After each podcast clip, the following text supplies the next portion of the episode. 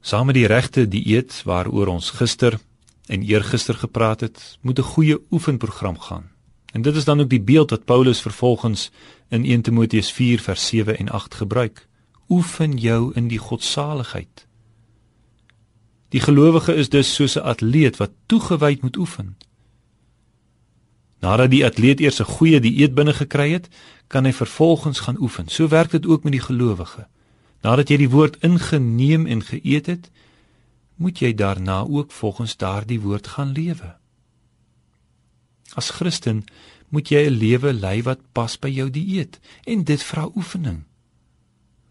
Om volgens God se woord en sy wil te lewe, dit kom nie van self nie. Niemand van ons is gebore Christene nie.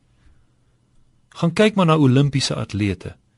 Uiteraard besit die meeste van hulle buitengewone natuurlike talent, maar hulle wy hulle hele lewe daaraan om hulle spoed en krag en tegniek te verbeter om op die hoogste vlak te kompeteer vereis jare se strawwe daaglikse oefening.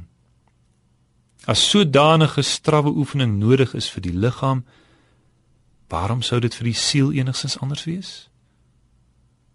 Ons moet ons geestelike oefening doen.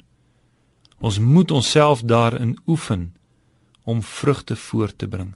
En ek bedoel dit letterlik, oefen, doen dit weer en weer. Dit is ons voorland in die wedloop van die geloof. Dit is waar, ons is sondige mense en in ons lewe struikel ons dikwels. Maar te gou is ons tevrede met ons lewenswandel voor die Here. Te gou gebruik ons die verskoning dat ons nou eenmaal so is. Dit is my karakter. Ek kan dit nie verander nie. Maar wie sê dat hy nou eenmaal so is en niks daaraan kan verander nie?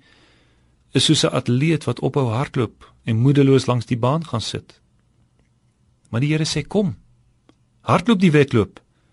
Staan op wanneer jy val, hou die wenstreep in die oog en ek is met jou. Ek sal jou nie bo jou kragte versoek nie.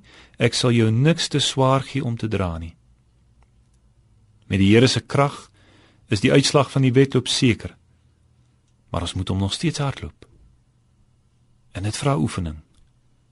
As ek vandag hierdie sonde doen, dan staan ek deur die Here se krag op en oefen myself om dit môre beter te doen. En as ek dit môre nie reg kry nie, dan oormôre.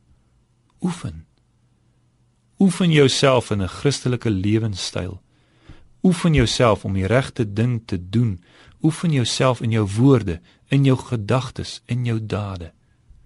En word op dië manier fiks in die geloof. Amen.